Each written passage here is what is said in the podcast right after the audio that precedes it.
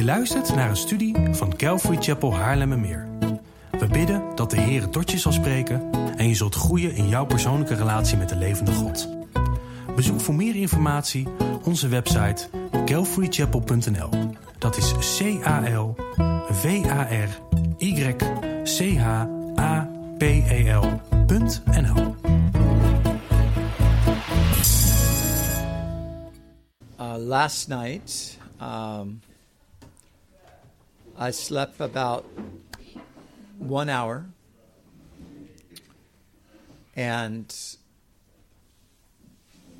my dear friend Andre, at about nine o'clock last night, he gave me a really nice coffee,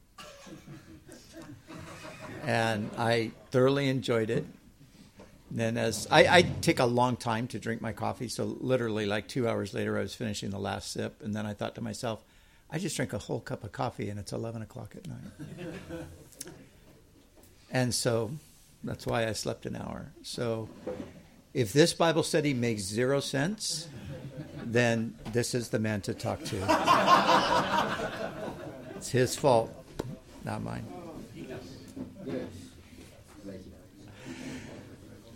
All right, so we're, we're going to pick up in um, verse 12 of chapter 4, or verse 13, I'm sorry, of First Thessalonians. And,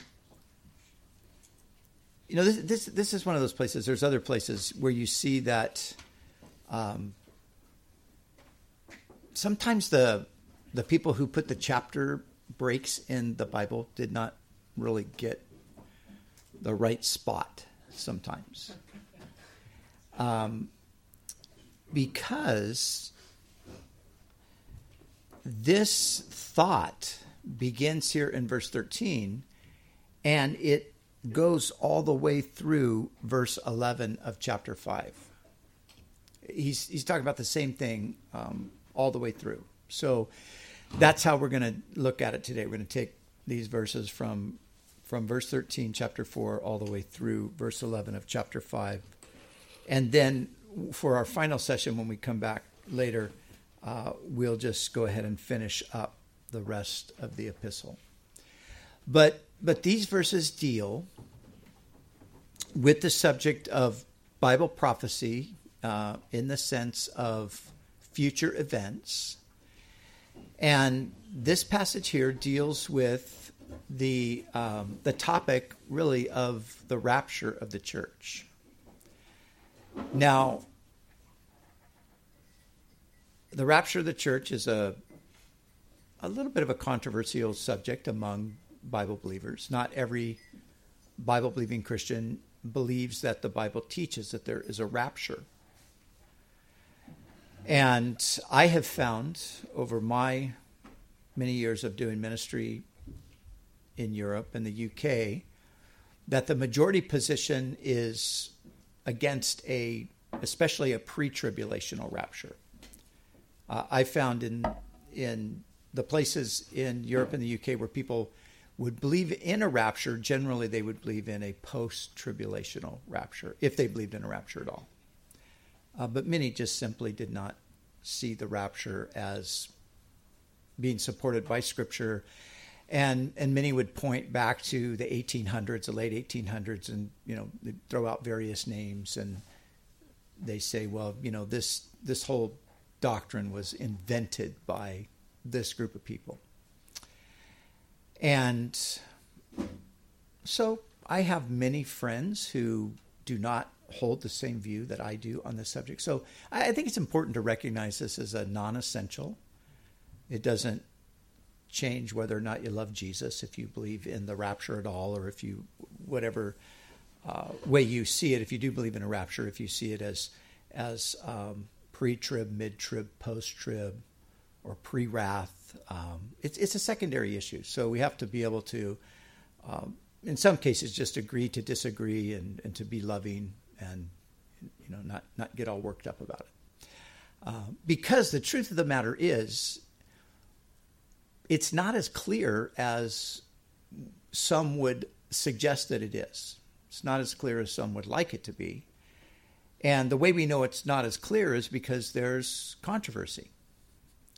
If it was crystal clear, then there wouldn't be any debate, right? You would just like it says it right here, and and that's it. But it doesn't do that. So we're left to try to interpret these passages, and um, as as I've done this over the years, I have come myself to the conclusion that there is a rapture. And I personally believe that the best way to understand the timing of it in relation to the tribulation is that it happens before the tribulation.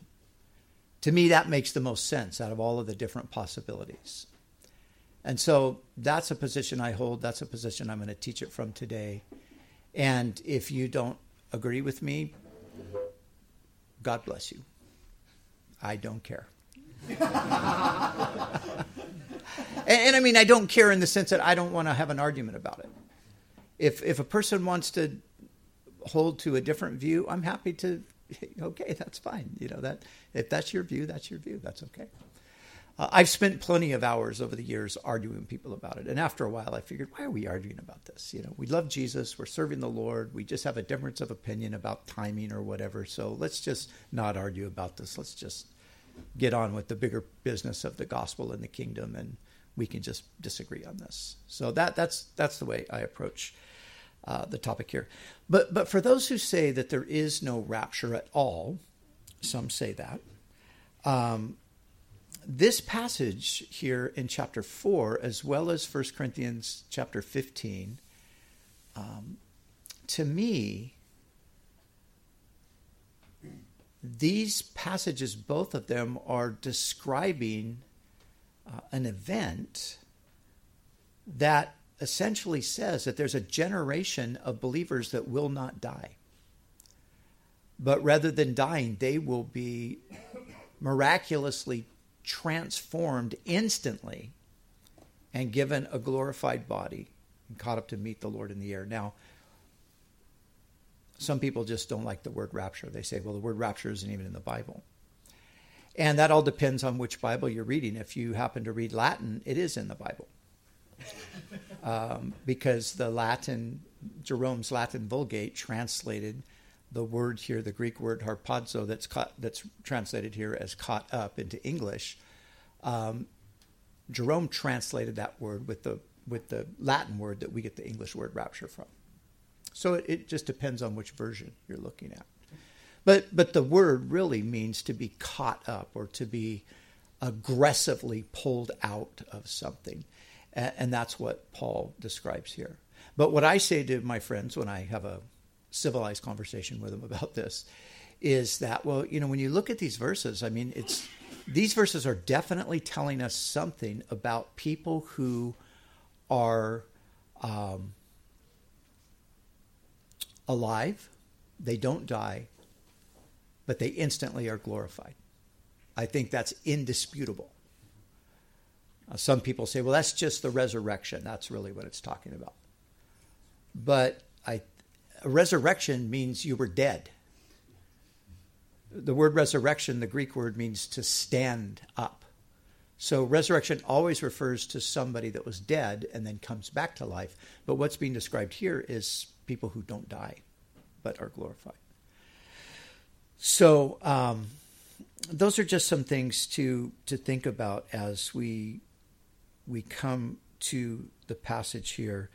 And so in the the verses here in chapter four, uh, Paul describes the event, and then in chapter five, I think he also tells us about the timing of the event. And when I say timing, I'm, i mean timing strictly in relation to the tribulation period, not timing in the sense that we're going to know when it's going to happen.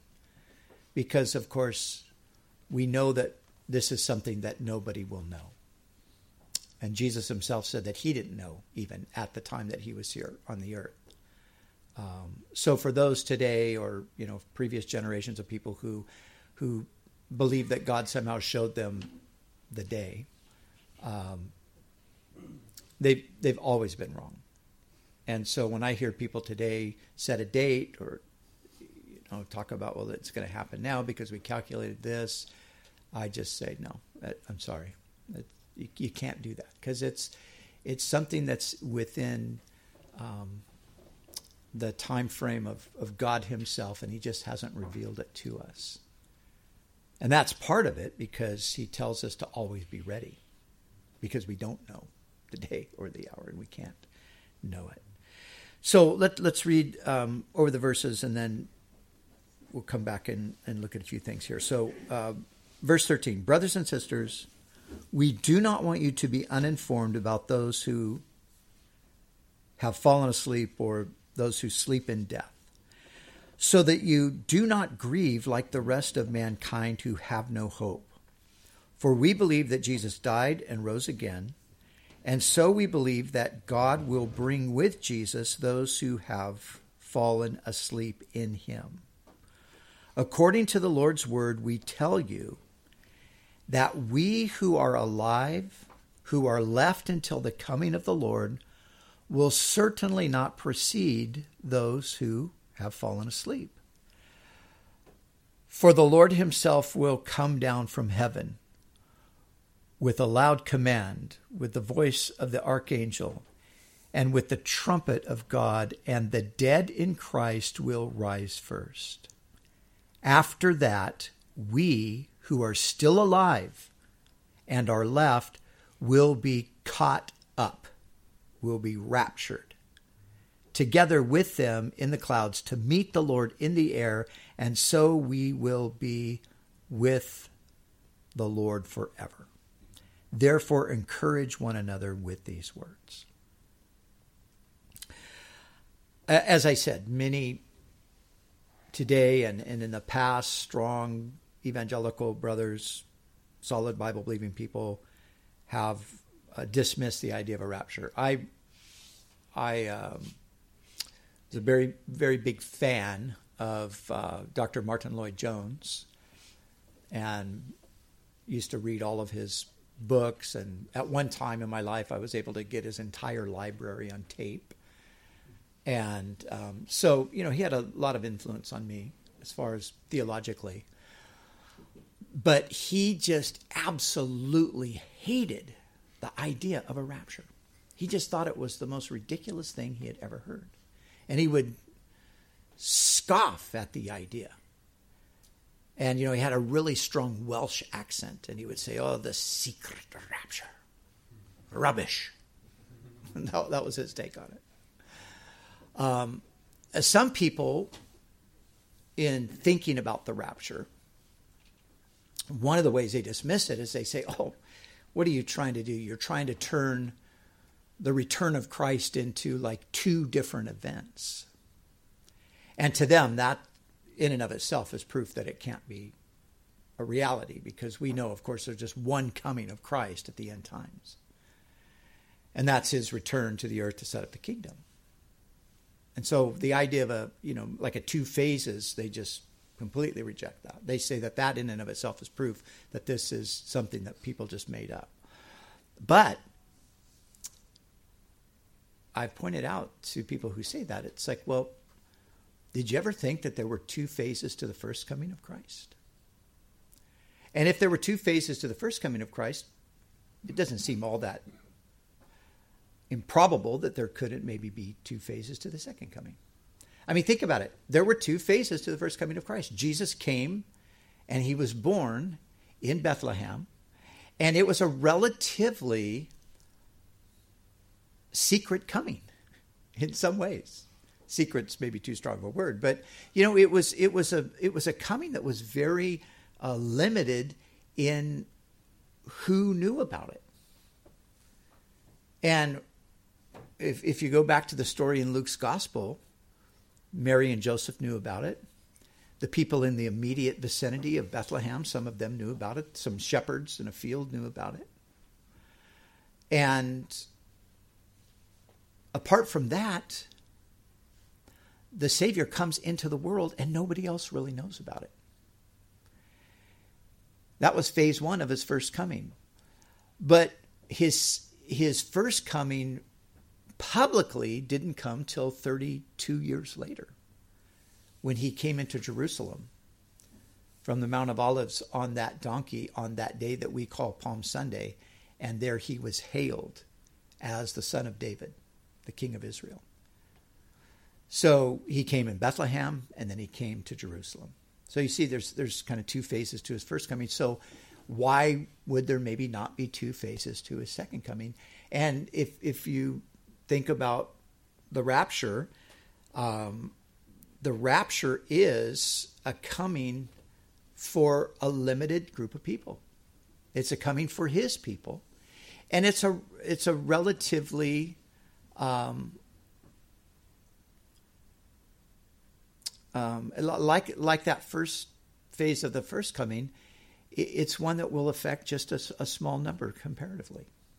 It'll just affect believers, and there will be all kinds of mystery around it because people will disappear, and people people won't know what happened. And now it's it sounds kind of far fetched when you start thinking about it, but this is it sounds so far fetched because we tend to naturalize the Bible rather than than retain the miraculous element of it that's there. And this is a this is a tendency, especially um, since the age of enlightenment, that that's where that tendency really came in to disregard the supernatural, the miraculous, and so, you know, today, even ardent Bible believers are reluctant when it comes to supernatural and miraculous kinds of things. They're reluctant to really acknowledge that. And and I think that's part of why people just look at this and say, no, it's too weird because you're talking about a miracle. You're talking about people that just what? they they suddenly disappear or suddenly transformed. But there's something that's happening with the rapture that I think is oftentimes overlooked.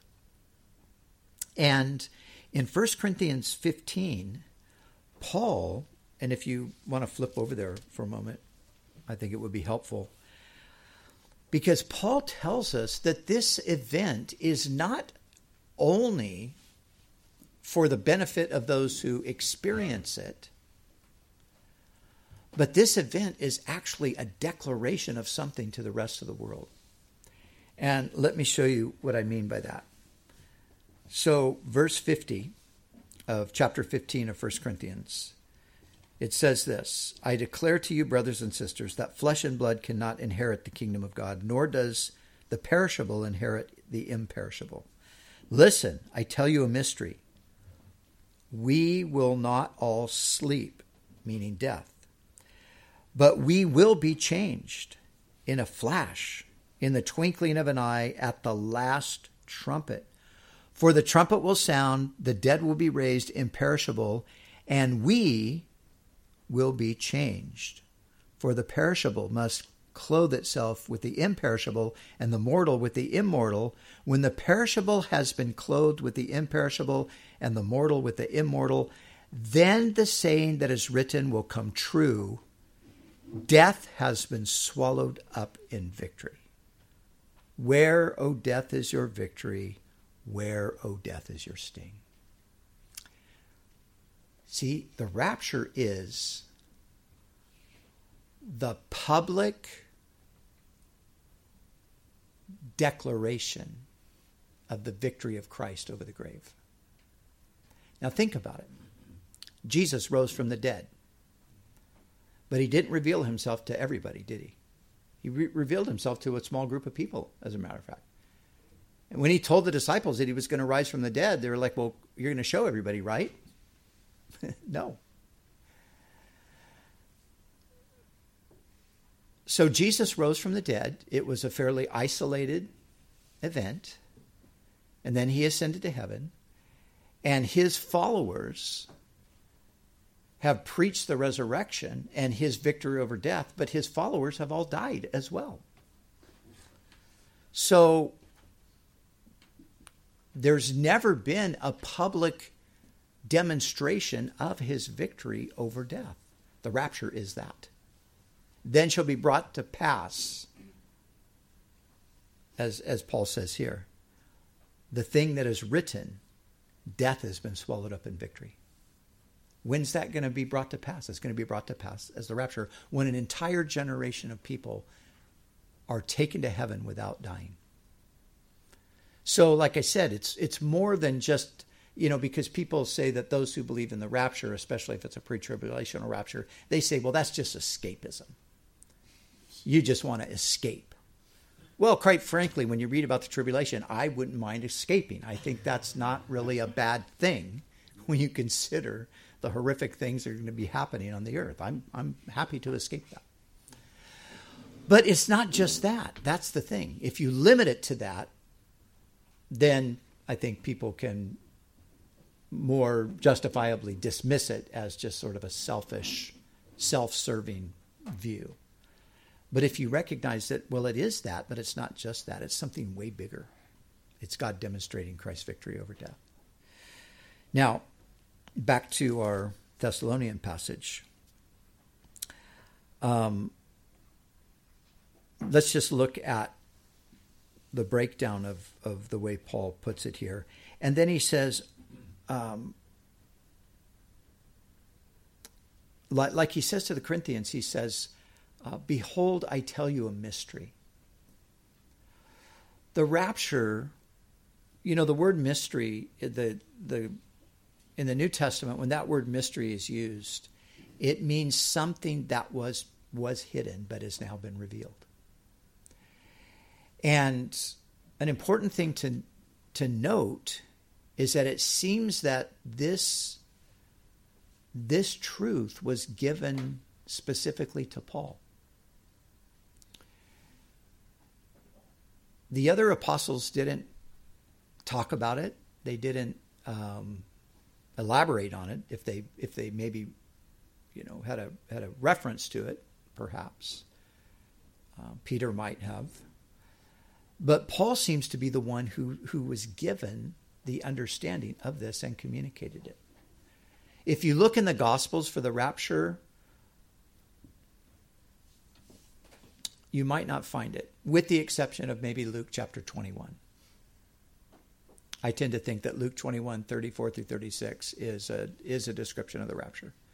Because Jesus says, Pray that you may be counted worthy to escape all of these things that will come upon all those who dwell on the earth that you would escape them and then stand before the Son of Man. That to me sounds like a description of the rapture. But if you if you search in Matthew 24 or Luke thir- or uh, Mark 13 and you're trying to find the rapture in there, you won't find it in there. It isn't there. So it seems like Paul was the one that was given the um, the commission by the Lord to reveal the mystery. And that's what he says to the Corinthians. And so it's it's really in the passage we're looking at and in the First Corinthian passage and I think also it's in Revelation 3:10, but those are really the only clear references to the rapture in the New Testament.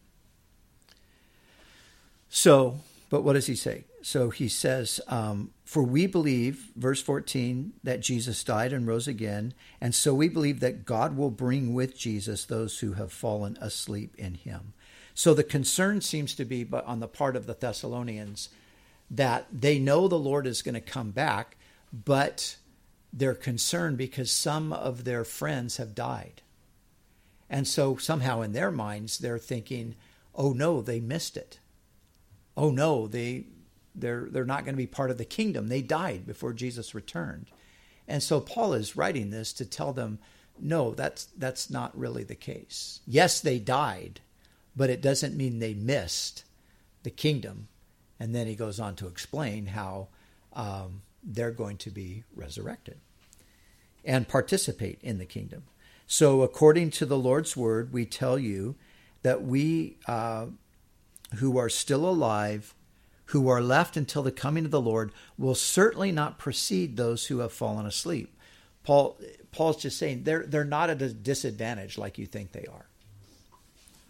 Um, we're we're not going to precede them. In other words, simply just don't worry. They're they're going to be part of it. And so he says, For the Lord himself will come down from heaven with a loud command, with the voice of the archangel, with a trumpet call of God, and the dead in Christ will rise first.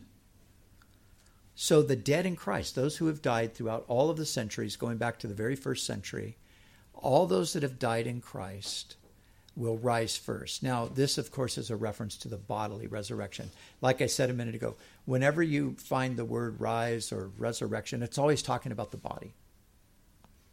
Some people try to spiritualize the resurrection. Some people deny that Jesus bodily rose from the dead. They say, well, Jesus spiritually rose from the dead. There's no such thing as spiritually rising from the dead.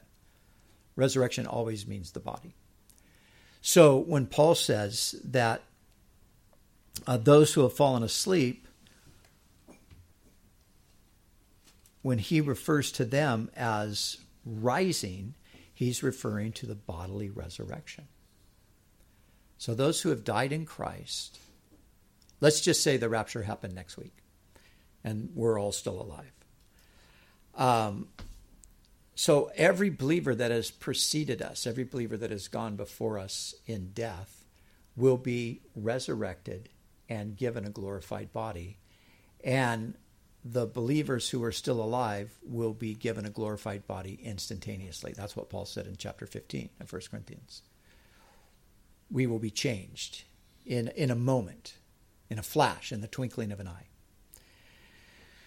And so, uh, as he goes on here, he says, So the dead will rise first, and then after that, we who are still alive and are left will be caught up together with them in the clouds to meet the Lord in the air.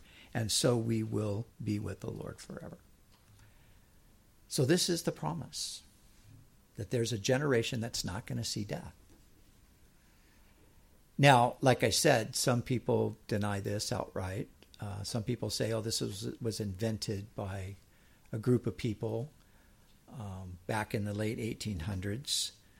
But the problem is, we're reading the New Testament, and it says it right here. And this, this predates the 1800s, in case you didn't realize that, right? This is Paul's letter. And it says it. It says that we who are alive and remain are going to be caught up together in the clouds and meet the Lord in the air. And then we will always be with the Lord. Now, the next big question after you look at the fact that the scripture teaches a rapture. And I mentioned a minute ago the um, the Revelation three ten passage, and just let me touch on that one for a second because the Revelation three ten passage is the promise that Jesus gives um, to the church of Philadelphia. Now, when you look at the seven churches, well, let me back up for a second. 1 Corinthians 15, 1 Thessalonians 4, but Revelation itself, I think Revelation itself, if properly understood, I think it teaches the rapture. Now, you know, the book of Revelation is a book that many, many people have a problem with. And, and historically, the church has had a problem with the book of Revelation. And the tendency of many over the centuries has been to just it sort of ignore it, just pretend like it's not there because after all, it's just way too confusing. It's way too complicated. Nobody really knows even what it says. You know, if you think about that, just think about how ridiculous that uh, that whole idea is. I was thinking about this recently because I just finished reading the book of Revelation the other day. Because one of the arguments and one of the reasons why people just want to have a sort of a general view of yes, someday Christ will return, but we don't know any of the details and we can't get all caught up in thinking that there's actually going to be like an antichrist and a 666 and all of that. You know, people are just like, no, we, we don't want to talk about that. That's too confusing. You can't really know that. But think about this. So we got 66 books in the Bible. And for 65 of them, we're pretty confident that we can understand what they say and we tell everybody to understand what they say and we teach people what they say. So you mean to tell me that the last book of the Bible is one that but you can't know what this one says? I mean just the the logic of that to me is so fallible. Why would God have one book, the last book, the final chapter in the story and say, sorry, you can't figure this out. People say, oh, but it's just so full of symbolism and everything, and we don't know what any of that stuff means. Well, it is full of symbolism, but it's not entirely symbolic. And even the, with the symbolism, we kind of can know what at least some of it means because this is where the principle of Scripture interprets itself really comes into the picture. The book of Revelation can be generally understood. I think the problem is when you try to get too specific. Because I think there are certain parts of the book of Revelation that we cannot understand, and people won't understand it until they're living in that part of the story. Like the number 666. I mean, how many people have tried to figure out who that is? And they get it wrong every time, right? The people that will understand it are the people that will live in the midst of it. They will then know.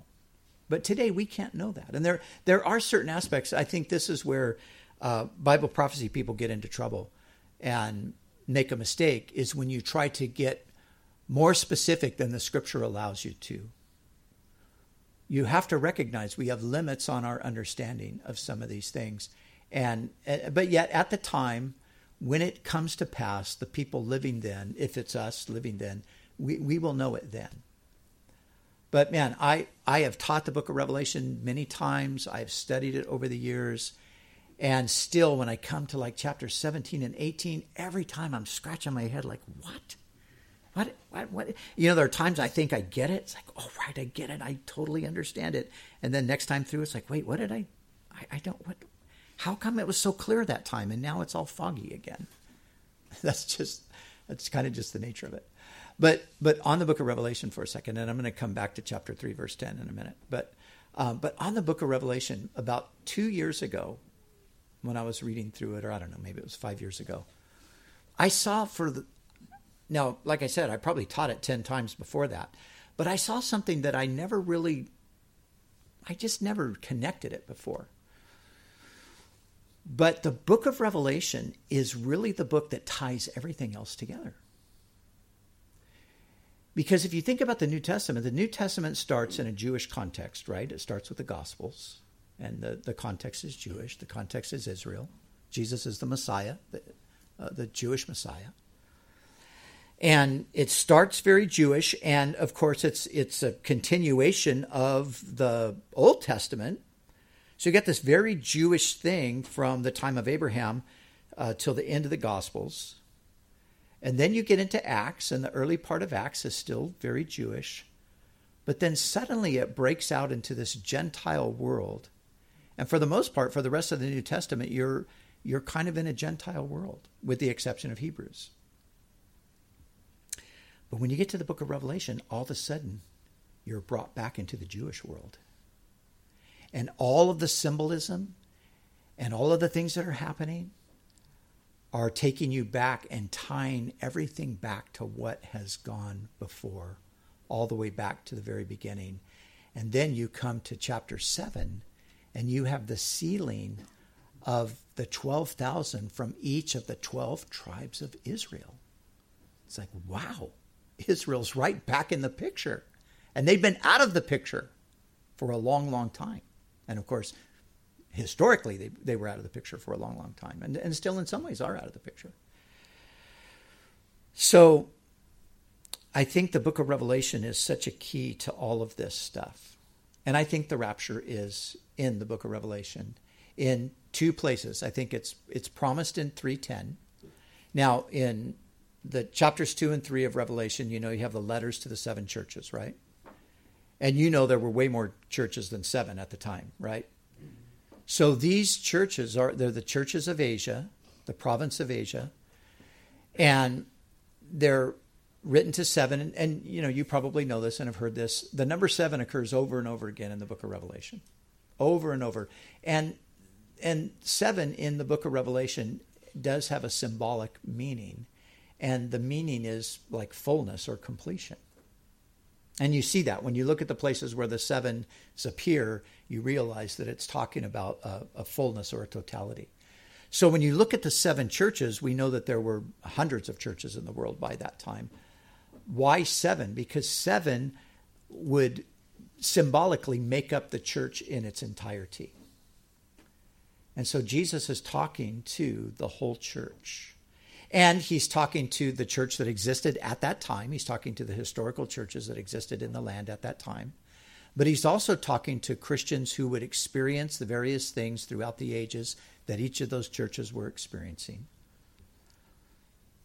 And some people say, and I don't know that I totally agree with this, some people say that you have, in the seven churches, you actually have seven periods of church history. The problem I have with that interpretation is it kind of limits your church history to Western Christianity and omits Eastern Christianity. So that might or might not be the case. But in the letter to the church in Philadelphia, Jesus says that because you have kept the word of my patience, I will keep you from the hour of trial that will come upon the whole world to test all of those who dwell on the earth. Now, that is a reference to what we, I call, Americans call the Great Tribulation period. And some versions of the Bible refer to it, Matthew refers to it in the New King James or the King James as Great Tribulation. So, Luke 21, as I mentioned that earlier, Jesus says the same thing. Pray that you may be able to escape these things that will come upon all the earth. So, there, there's a time coming when there's going to be a worldwide judgment. But Jesus says to the church of Philadelphia, because you have kept my word, uh, the word of my patience, I will keep you out of the hour of trial that is coming upon the whole earth to test those who dwell on it. So to me, that's a, like a rapture promise right there. And who's it given to? It's given to those who keep his word. Now, going back to the book in a, a more uh, general sense. The book of Revelation, verse 19 of chapter 1, kind of divides the book up for us. And John is told to write the things that you've seen, write the things that are, and write the things that will be after those things. And so, chapter 1, John writes what he saw. He, he, he has a vision of Christ and he writes that. He has the golden lampstand and the stars in his right hand and all that. So John records that. And then he says, Write the things that are. The next two chapters are the things that are, the things of the church. And then he says, Write the things that are after the things that are, that are. And at the end of chapter three, the transition into chapter four says, And after these things. And now here's the interesting thing you've got the church in chapters 2 and 3, but the church is never mentioned again from chapter um, from chapter chapter 3 you've got the heavenly scene in, in chapters 4 and 5 and you've got the elders around the throne of god and a multitude that are crying out um, worthy is the lamb who was slain he redeemed us from every tri- tribe tongue and nation that sounds like the church um, but from chapter 6 all the way to verse 19, you have no reference to the church whatsoever. And in chapter 19, you have the Lord returning to the earth and the saints who are clothed in white linen coming with him to bring a judgment. So to me, the absence of the church or any reference to the church in Revelation 6 through 19, which is the, the portion of Revelation that covers the Great Tribulation period, it seems to me like if there's no reference to the church, it's because the church isn't there. So, all of that to say, when it comes to the timing of the rapture in regard to the tribulation, I personally think there's a better case for a pre tribulational rapture than there is for a post or for a mid. Or there's another position called a pre wrath that's slightly different than the mid tribulational period. And as we go into chapter 5, I think if we correctly understand chapter 5, it, it tells us that this event that Paul just described, it happens before the tribulation. So let's look at what it says. Chapter 5, verse 1 Now, brothers and sisters, about the times and dates. The times and dates of what? The times and dates of what he's just talking about. We do not need to write you, for you know very well, and here's a key, that the day of the Lord will come like a thief in the night. And listen to this while people are saying peace and safety, destruction will suddenly come on them as labor pains on a pregnant woman, and they will not escape. Now, mark the phrase, the day of the Lord, because this is a key. The day of the Lord, if you want to do a search, go back and look at all the references to the day of the Lord in the Old Testament. And the day of the Lord is the Old Testament term for what we would call the Great Tribulation period. It's the day of God's wrath, it's the day of His judgment. So,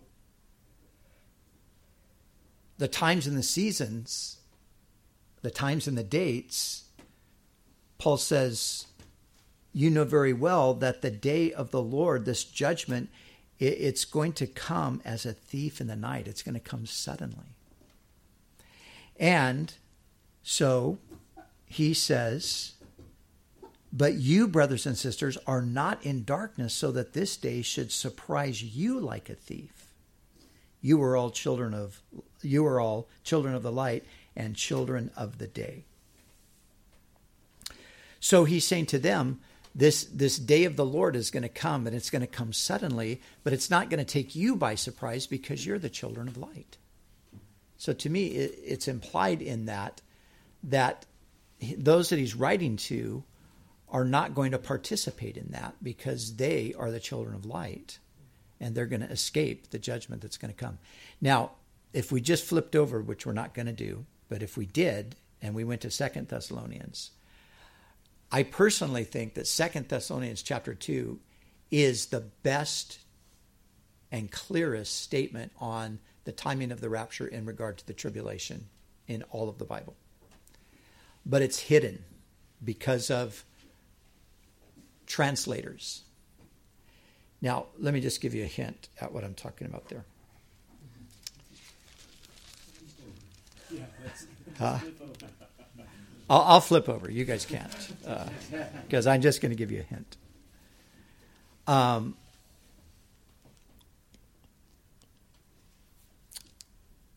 so, chap- chapter 2, Paul says, concerning the coming of our Lord Jesus Christ and our being gathered to him. So, I, I think he's talking about maybe two things there the second coming the coming of our Lord, and our gathering, which would be the earlier event, the rapture. We ask you, brothers and sisters, not to become easily unsettled or alarmed by the teaching allegedly from us, whether by prophecy or by word of mouth or by letter, asserting that the day of the Lord had already come. The assertion is we're in the tribulation period.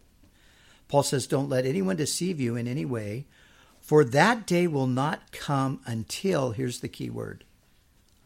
Now, I'm reading the NIV, and the NIV translates this word rebellion. Don't let anyone deceive you in any way, for the day of the Lord will not come until the rebellion occurs and the man of lawlessness is revealed. But here's a problem the word there this is an interpretation, not a translation. Because the word does not mean rebellion. And that's really a bad translation of the word, because it doesn't mean rebellion at all. The word, in its simplest definition, means depart. That's the meaning of the word. If you go back to the early English translations, like the Tyndale version or the Coverdale version, those versions that preceded, like the, the King James version, when you read this passage, it says depart or the departure. But because it's used, this word's only used twice in the New Testament. Once here, and it's used in Acts, I think it's chapter 20, 21, maybe. And in 21, it's, it's used as a reference to uh, they accused Paul of teaching everyone to depart from Moses. So, in that context, departing from Moses, so they say it's it's apostasy, and some English translations use the word apostasy. Um, but the same root word is used in Luke's gospel when it refers to Anna, the old woman, remember, who did not depart from the temple day and night. It's the same root. So it the word doesn't naturally mean a departure from faith. It means a departure from anything. And the context tells you what the departure is from. But the the you know translators and and I remember reading um, um, Kenneth Wuest, who's a fairly well known Greek scholar, wrote several volumes on the on the Greek New Testament. Um, he actually just says that this the problem here is this is an interpretation, not a translation. So then this this has Christians always looking for some great rebellion that's going to happen. But what if Paul's actually talking about the departure? That's what he told them about before. And and remember, this is the second letter to the Thessalonians. So he's going to be talking to them about things that he's already talked to them about. He's reminding them. And when he had already told them that they're going to be caught up in the clouds to meet the Lord in the air, and now he refers to the departure coming, to me, I think they got it. They understood, oh, okay, he's telling us that no, we're just like he told us before, this is all going to happen before the day of the Lord. So, no, we're not in the tribulation period. Even though we're being persecuted, we're not in the tribulation because the departure is going to take place before that happens. And there's more detail that we could look at here because of the, the references to the man of sin and the things that happened. But like I said, I didn't want to go too deep into that. But, you know, sometimes, and we all do this in some ways, and I'm sure I do it too. Um, you know, we, we just get a, a view of something and then we don't really necessarily analyze it thoroughly. We don't really think it through. We don't look at all the different options, and we just sort of settle on a view, and then that's well, that's our view. But if you take the time to really dig down and, and, and look at it, you start to realize, oh wait, I had some assumptions when I when I came to this text. And oh, I didn't see that part and I never thought about that. And and I think this happens a lot of times in regard to Bible prophecy. Uh, and there's other places where I think now Calvary Chapel. I'm going to speak for Calvary Chapel right now. You know, Calvary Chapel has one of the big emphasis of Calvary Chapel over the years has been eschatology. And you can go back to Chuck Smith's preaching in the early days of the Jesus People revival, and probably almost every single message ended or at some point had a reference to the rapture. And oftentimes, Chuck was up in front of the church with a newspaper in one hand and his Bible in the other, talking about the events in the Middle East, talking about Israel and uh, you know the restoration of uh, the Jewish people to the land and and all of that stuff. And so, you know, for him, everything was crystal clear. Uh, the Lord's coming back any time. When I got saved in the, the 1970s, I mean, all of us were convinced the Lord was coming any day. I mean, so much so that you would even think of uh, if you had a girl that you kind of liked, you thought, well, you know, we might as well not get married because the rapture is going to come, and you know, what's the point? or if you did get married, it's like, well, we're not going to have any kids because, of course, the rapture is going to come. I mean, I, I can think of a number of my friends who said, well, we're going to get married, but we're not going to have kids because the rapture is coming. And their kids are like 40 years old now. so, so but but my point is this: you know, this this has been a big emphasis in Calvary Chapel. My opinion is that it's been overemphasized. It's it's it's been uh, a preoccupation that hasn't, in the long run, been healthy. Because in some ways, it gets people who are sort of pseudo experts on prophecy, but their their lives are really still a wreck because they haven't really grown in sanctification but they got all kinds of theories about who the Antichrist is. And that's just unhealthy Christianity.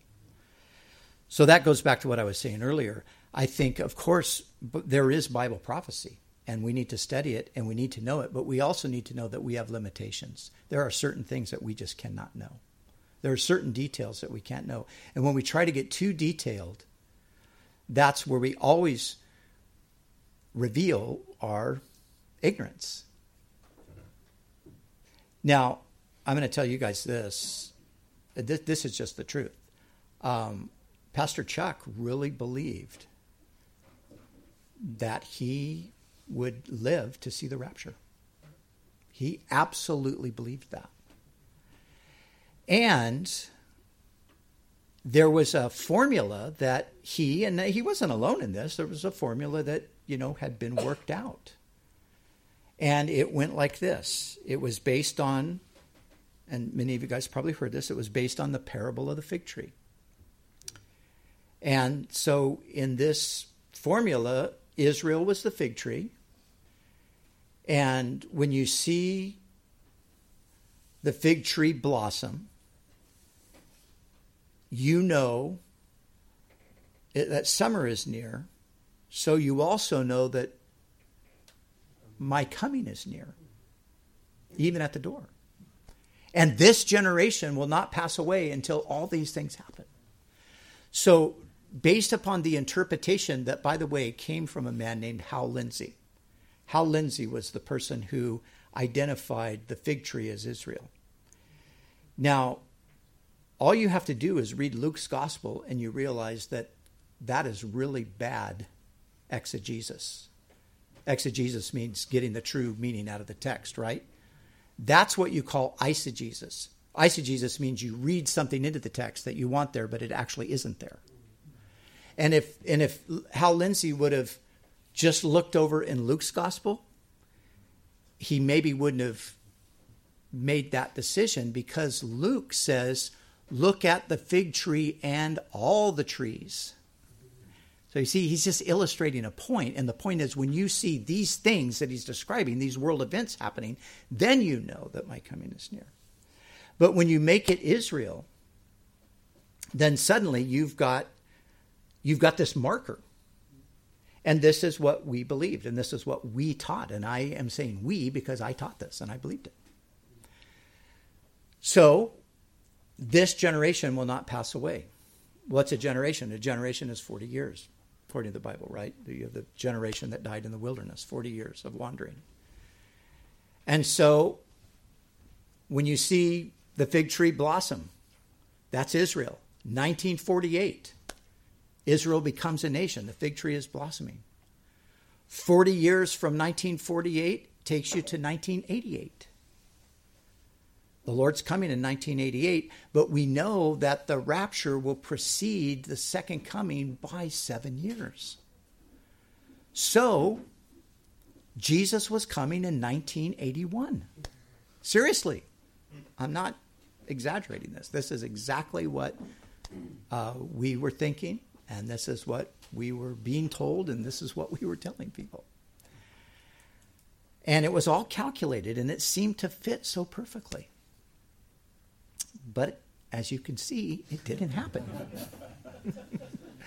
but see, I'm. we missed something, yeah. Yeah, it's actually 2020 that it's going to happen. So. But and you know, since then, many people have come along with a different date. And there was a, you know, there was a book that was written back in you know 1987 that was a book that was titled in America 88 Reasons Why Jesus is Coming in 1988. That was a book that went it went everywhere. When I was living in the UK, there was a, a book that was distributed, sent from the States, from Texas, sent to like every home in Britain and it had a date of May 14th, and I think it must have been like 19, what would it have been? 1998 or something? 97? And everybody was in an uproar. And I remember a man in my church, he came and he was literally shaking, and he had this book in his hand. And he said, This is this is gonna the Lord's coming, and I want to talk to you about it. And I said, Listen, let's talk on May 15th about it because Jesus was coming on May 14th. I said, let's talk on May 15th about it. Because, of course, Jesus wasn't coming on May 15th. Because no one knows the day or the hour. But, you know, so, so when this kind of stuff happens, and then you get, you get people with all of these hopes and expectations. And then when it doesn't occur, you have people that are disappointed. And then you do have some people who had all of their eggs, so to speak, in that basket who just decide, well, this must not be true because, you know, I was taught that Jesus was coming in 1981. He didn't come. So all of it must just be fake. And so I'm leaving. And we saw that happen. But I remember, now, for the, those guys here who maybe don't know this, Chuck Smith is my father in law. So I knew Chuck Smith as well as anybody did. And um, he was my, basically my dad for 33 years. And I remember him saying to me, and this was um, probably about 2010, maybe. I remember one day he looked at me and he said, I just don't understand it. I thought the Lord would have been here by now. And he was really disappointed. And then when he got sick, he got sick, first of all, with a stroke. And then he eventually got cancer. And it was the cancer that killed him. But even to two weeks before he died, he was still believing he was going to be healed. And all kinds of people around him were believing that he was going to be healed too, because either Chuck was going to be healed or the rapture was going to take place in the next few weeks. Because he had convinced himself and other people that the rapture, he would go in the rapture. Because after all, he spent 50 years of his life teaching the rapture. So surely the person who teaches the rapture for 50 years gets to go in the rapture. So, you know, I, I'm telling you guys this today. Now, as you can see, I believe in the rapture. And I believe it's a pre tribulational rapture. I essentially believe exactly what Chuck believed in, in the sense of about the rapture and the timing in relation to the tribulation. But what I don't want to do is repeat the mistake of trying to get more specific than the scripture allows. And of making the mistake of overemphasizing a particular doctrine that then sort of overshadows and in some ways eclipses the primary doctrine of the gospel of the grace of God. So the second coming is something that we long for, we pray for, and I preach on it when I come to it in the text. That's when I preach on it. So we've now, because I pastor the church that he pastors, you know, we have gone from a church, and even and even in the last few years of Chuck's life, probably every other week he referred to the rapture. And not only because he wanted to go in it himself, but because he saw the world becoming so evil, he just couldn't imagine that we could survive much longer. And, and he just thought, man, we got to get out of here. But you know what that did? It really, um, it was really disheartening to the younger generation because the younger generation felt like, well, wait, we want to do something for the Lord. And every week we're being told basically just buckle up, hold on because the Lord's coming. There's nothing else to do. The world's too wicked and we're just going to get out of here. And that that generation of young people resented that and they left the church over it. And so you know, I get in trouble in some Calvary Chapel circles for saying stuff like this, but um, it's I'm saying it because it's true. And so when you come to it in a text, teach it. And when it's applicable, use it in evangelism because it is relevant. But be careful not to get more specific than the scriptures allow for. Uh, we don't know who the Antichrist is. Somebody will know who he is when he shows up. But I don't think we're going to be here, so it's not our problem to figure out because the Bible gives us little you know, glimpses of what's going to happen with them. But but the people at the time they will figure it out. They will know. And a lot of times, you know, with the symbols and things, we just have to step back and say, well, I you know at this point I don't really know what this means. So the more specific we try to become, the the more we put ourselves in a position to be proven wrong and I, I just don't think that's good. I don't think that's healthy. Now, I one of my really close friends, a very dear, dear friend of mine. We do a lot of ministry together. We travel together. We preach in different places all around the world. He's just like Chuck. He like took over for Chuck. He's like, you know, every week he preaches on the rapture. And we have fun together because I just always harass him. He's into the blood moons. He wrote a book on the blood moons. And every time there's a blood moon, he's like, yeah, this is it. It's going to happen. Uh, we've had like 10 blood moons in the last few years. Come on, it didn't happen. Oh, but no, this blood moon, it's going to happen. And I just, I just wind them up. It's like, hey, don't talk to me about a blood moon. so I'm saying that because, you know, you can still love each other and you can still partner for the gospel and you can still do all of those things and, and have disagreements over this stuff. It's okay because they're secondary issues. But back to our text here. Um, let's just look at what he says back in the fifth chapter here. So remember, so he says, But you, brothers and sisters, you are not in darkness, so that that day should surprise you like a thief. You are all the children of light and children of the day. We do not belong to the night or to the darkness, so then let us not be like others who are asleep, but let us be awake and sober. For those who sleep, sleep at night, and those who get drunk, get drunk at night. But since we belong to the day, let us be sober, putting on faith and love as the breastplate, and the hope of salvation as a helmet.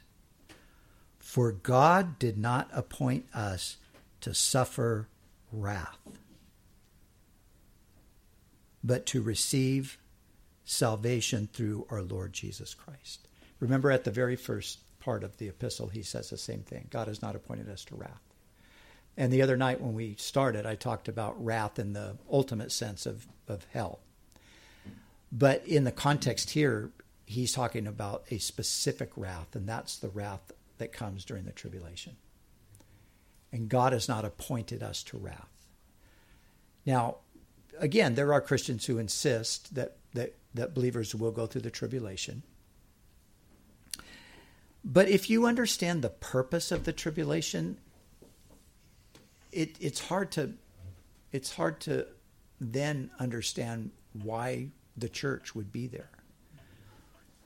Because there's three purposes for the tribulation that are we're told about them in various places in scripture. Number 1, the tribulation is to punish the world because of its evil. And primarily it's evil of rejecting the savior. So in Isaiah chapter 13 where uh, that's that's a read Isaiah chapter 13. That chapter is Isaiah's explanation of the judgment that's going to come. God's going to make a human being more rare than fine gold. And so it's it's a description of the tribulation there. And it says that the Lord will come out of his place to punish the world for its evil. He's going to punish mankind and he's going to punish the host of heaven as well. He's going to punish the angels, the fallen angels, along with the human beings. So, part of the purpose of the tribulation is to punish the world for its rejection of the Savior. But another thing